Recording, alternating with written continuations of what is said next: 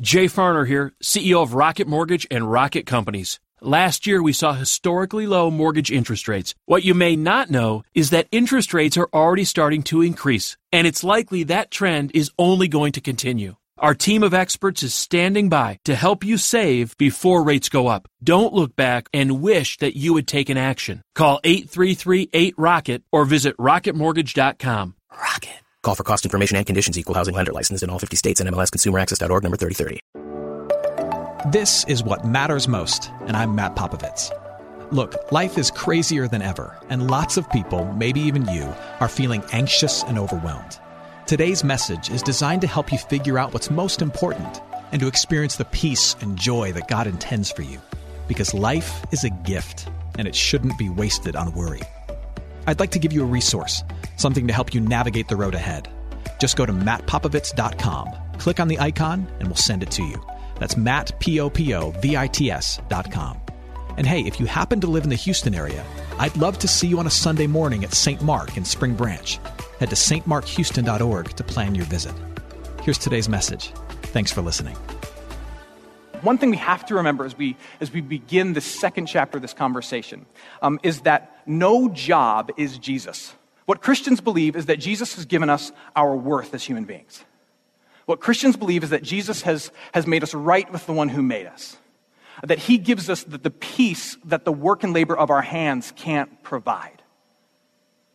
And we, we must often confess that the angst and the anxiety we feel over whether or not we have the right career, whether or not we're currently in the right work, is, is connected to a deep belief, deep in our souls, that we still wrestle with. And that belief is that we must save ourselves that we must save ourselves and make our lives what they need to be in order for whoever's out there to accept us. And then the primary vehicle we pour that belief into is what we do with the majority of our days, which is work. And so we have to begin the conversation with what Christians would call the gospel. The good news is that no job is Jesus, but Jesus is Jesus, and He loves you, and He saves you, and He forgives you, and He has done what your work can't, which is make you right with your Father and give peace to your soul. And so we begin there. And we must also confess, we must also confess that Jesus tells us over and over again that in the end, what will matter most is not who you've become, but whose you are. What Jesus invites Christians to believe, and, and every morning to wake up and kind of flip the switch on and say, okay, this is who I am, this is what I believe, is this that in the end, when, when the curtain closes and the, book is, and the book is finished, when you stand before the one who made you, you're going to realize what matters most is not who you've become, but whose you are. And that through the work of Christ on the cross, dying the death that we deserve, and then through the life of Christ, living the life that we cannot live, who we are is God's children. And what we've become is forgiven. And that is what matters most. And that maybe the angst we feel over our work has less to do with us being in the wrong career and more to do with us refusing to believe that truth. I would argue to you that there's no such thing as the one right job. I would argue to you that if God is in charge of all things, and he, he not only placed mankind in the world to work, but He placed you where you are in this moment, that perhaps the right job, and this is going to bother some of you. I'm sorry, I'm just the mailman. Don't be mad at me. Just deliver the message. The right job is the one you have right now. the right job is the one you have right now. So, where are you right now? Are you in an office that you can't stand? Are you in retail hell? Are you a successful artist? Are you a struggling student? Where are you? And are you open to the idea that you are right where God wants you to be? Now, please understand, uh, please understand what I'm not saying, okay?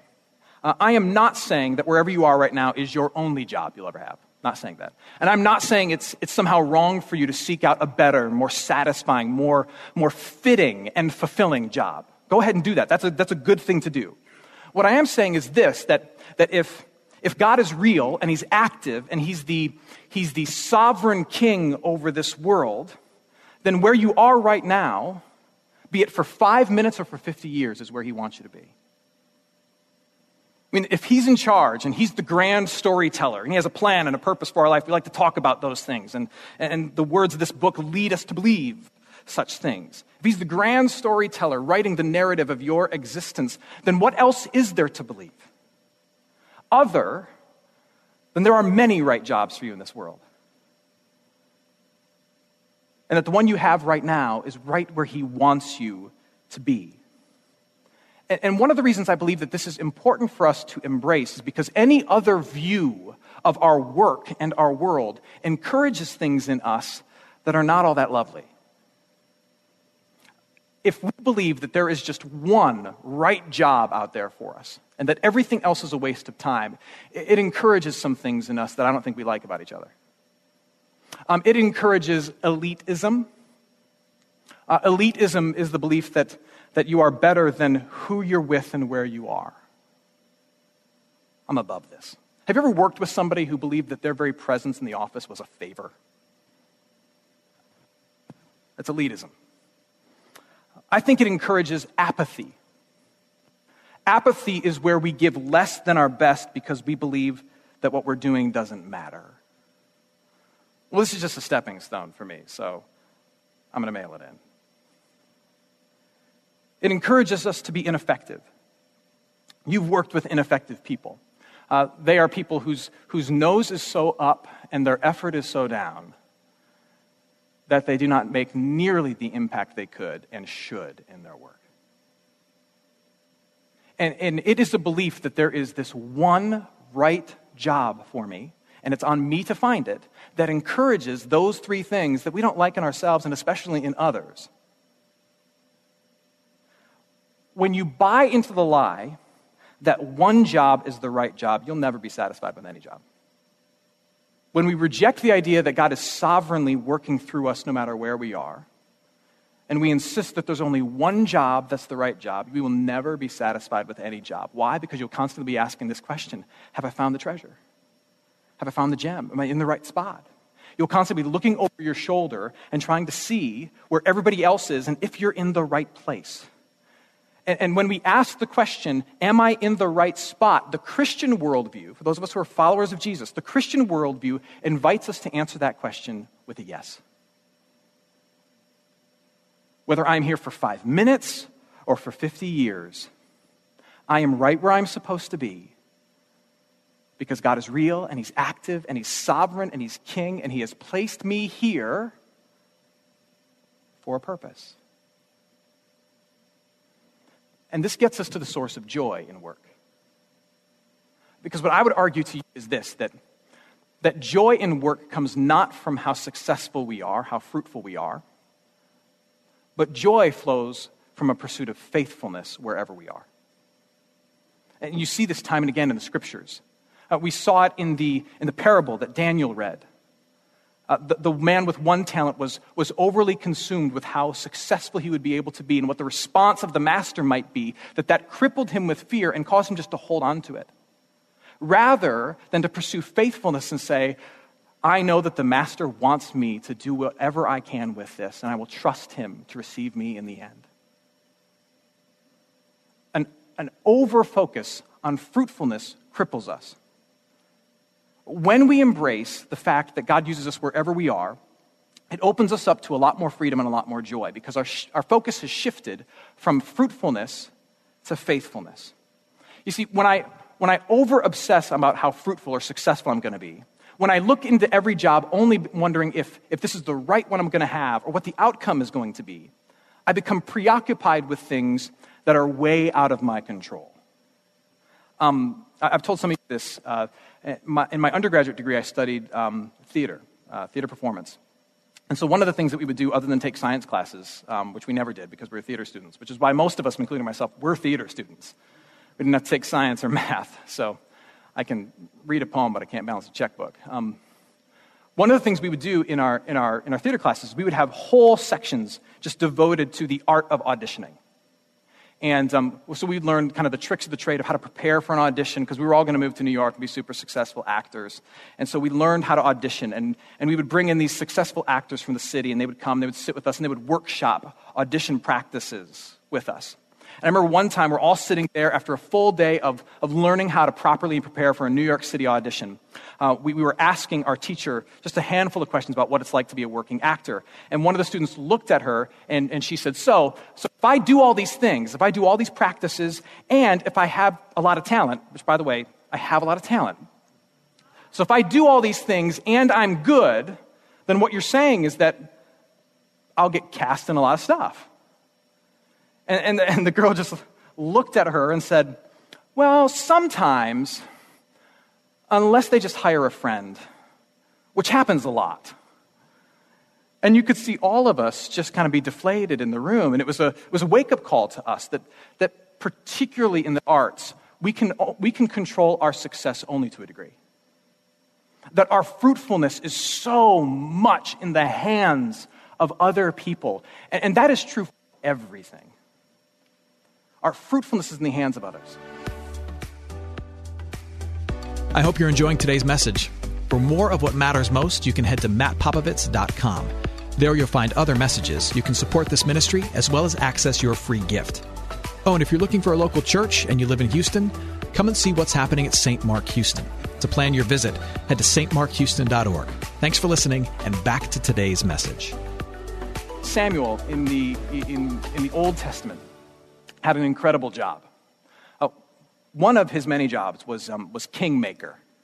In a world of monarchs and royalty, his job was to speak on behalf of God and point the finger at who was going to be the leader of the nation. I want that job, by the way. It was a vote of one, and his vote mattered. And, and he writes these incredible words um, that are a good reminder to me in, in 1 Samuel chapter 2, where he talks about how the realm of success and failure and fruitfulness ultimately belongs to God and not to us. Listen to what he says. He says, The Lord makes poor and makes rich. The Lord brings low and he exalts. He raises up the poor from the dust. He lifts the needy from the ash heap to make them sit with princes and inherit a seat of honor. For the pillars of the earth are the Lord's, and on them he has set the world. My task in my calling is to pursue faithfulness, is to focus on what it means to be diligent, what it means to be effective, what it means to be loving, and what it means to be good at my work, and to trust that God will bring about faithfulness, I mean, fruitfulness rather, in my life. And if He does, I praise Him and I thank Him. And if He doesn't, I know that I can have a peaceful soul because I have done everything that is in my control. And that is the key to joy to put your focus in your work on that which can't be decided necessarily wholly by others, but that which you control, your faithfulness, and to trust God for fruitfulness. Now, one of the questions when, when I have this conversation with friends that typically comes up at this point um, is this. Uh, they'll say, okay, so I get you. Like, God is in control of our lives, and He puts us in all these different places, and, and where we are is where He wants us. And, and I need to believe that rather than obsessing over having the one right job, that I am right where I'm supposed to be right now. I get that. Um, and that I should focus on being faithful in that task rather than obsessing over being fruitful in that task and, and figuring out the other task I can get to and how fast I can climb the ladder. I, I, I get that. I understand that. But, but here's my question if I do all those things, if I take my eye off of what's next and just put my hand to the plow and be faithful now, aren't I going to miss out on opportunities? Aren't I going to miss out on the next great thing? Aren't I going to miss out on moving up and moving on and all those things? And what I would say to you is no, you won't. Because what I believe is that God uses faithfulness where you are to mature you and to prepare you and to foster opportunity for you. Uh, one of my favorite quotes uh, is from Thomas Edison. And he says this uh, Opportunity is missed by most because it's dressed in overalls and looks like work. You know, opportunity is a future oriented thing, but it flows through present faithfulness. Opportunity is missed by most because it's dressed in overalls and looks like work, not tomorrow, but today. And one of the things we see time and again in history, particularly in the, in the lives of people that, that Christians uphold and respect, is that even when there is this grand call for something greater on somebody's life, that it is preceded by a long season of very simple and unsexy faithfulness in the person's life where they are. Like you look at, look at Moses, you look at Abraham, you look at Jesus.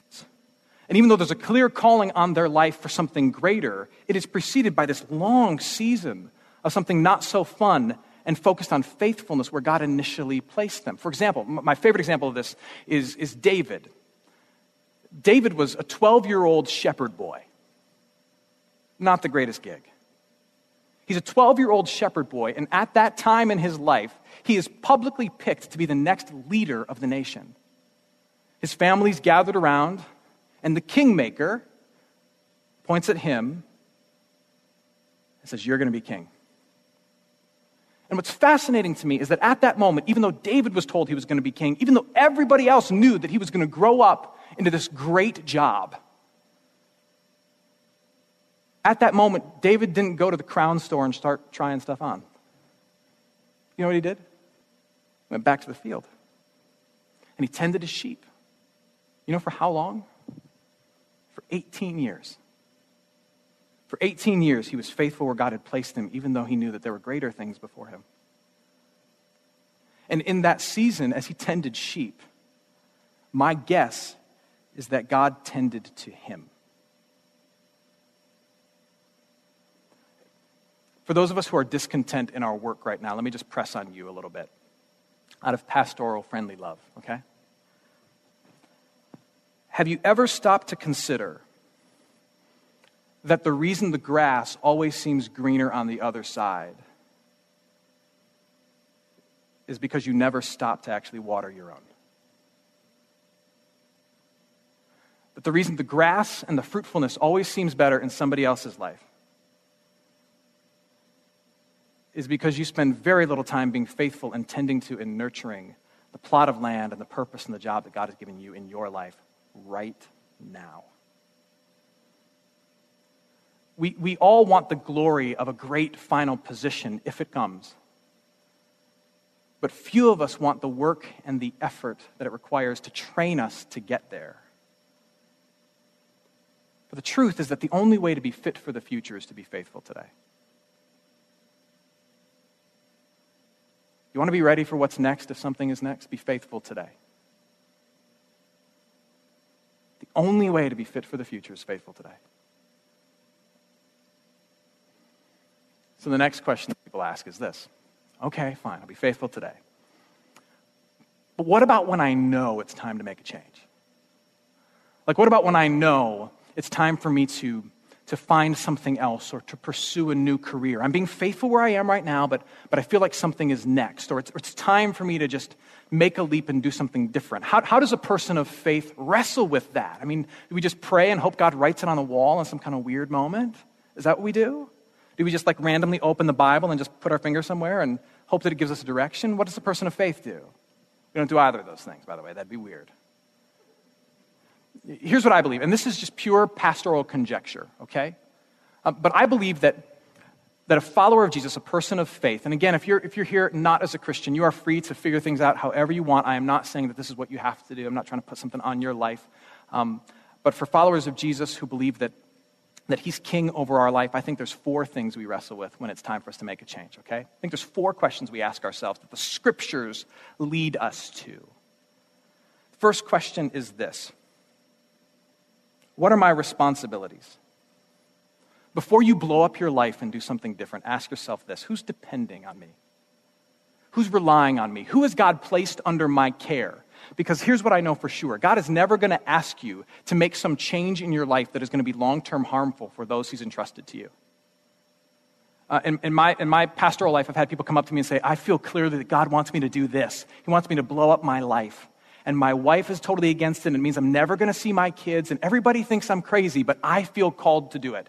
Here's what I can clearly say to them God ain't asking you to do that. If anything, what He's going to ask you to do is to do something that you don't like but brings great blessing to them. If anything, what he's going to ask you to do is do something that blesses them at the cost of yourself. rather than bless yourself at the cost of them. So, what are your responsibilities? First question. And everybody's responsible for somebody and something. Second question is this if God is the one working the world around me, then that means there, if He wants me to make a change, He's going to put opportunities before me. So, what are the opportunities in front of me? What are the opportunities in front of me? I mean, you, you can want to be an astronaut all, you, all, all year long, right? But if NASA ain't knocking on your door, it's going to be a tough thing to accomplish, right? Like you can send them emails like, I really want to go to space.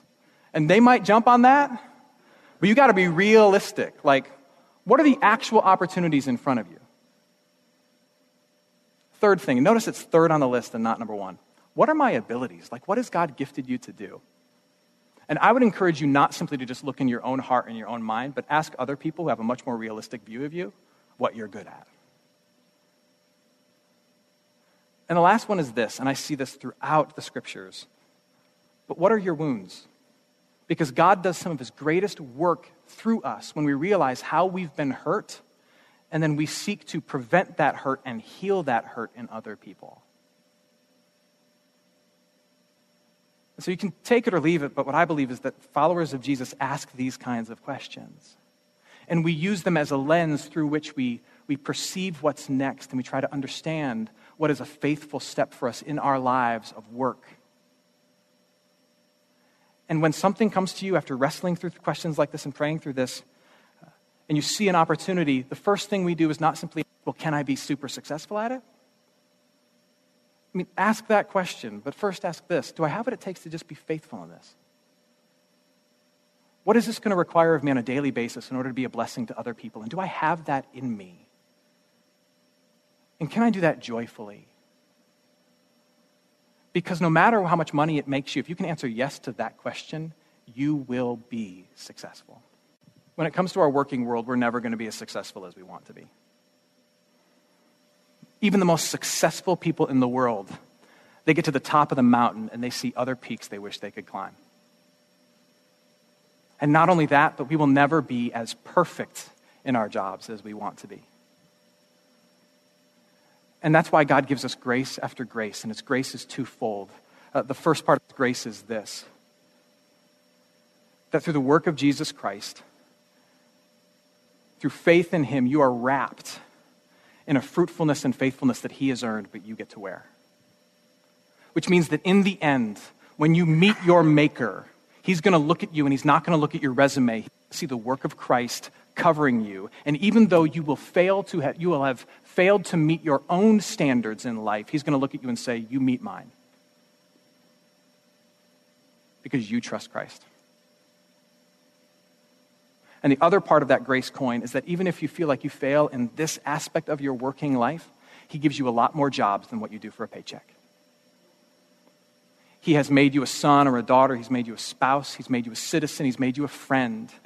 He's made you a, a, part of this community here. He has made you so many things other than what you do for money.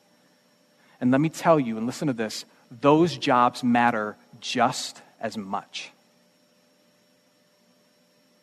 And so, if you're not feeling all that successful in what you do nine to five or six to ten, realize that there are other callings and other jobs and where you are unbelievably needed and have potential to make an incredible impact. So, what do you want to be when you grow up? It's not a bad question. I have an eight year old daughter, and she answers it different every time I ask her. Last time I asked her, she said she wanted to be a teacher. Okay. As her father, here's what I really want for her I want her to be present in that job. I do not want her to, to waste her adult life wishing she had somebody else's life.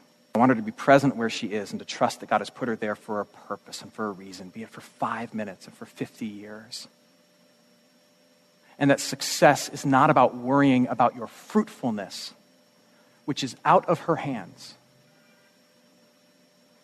But success is about pursuing faithfulness and trusting His. Amen. Hey, it's Matt. I hope you enjoyed what matters most. Here's what I need you to know life is a gift, and it shouldn't be wasted on worry.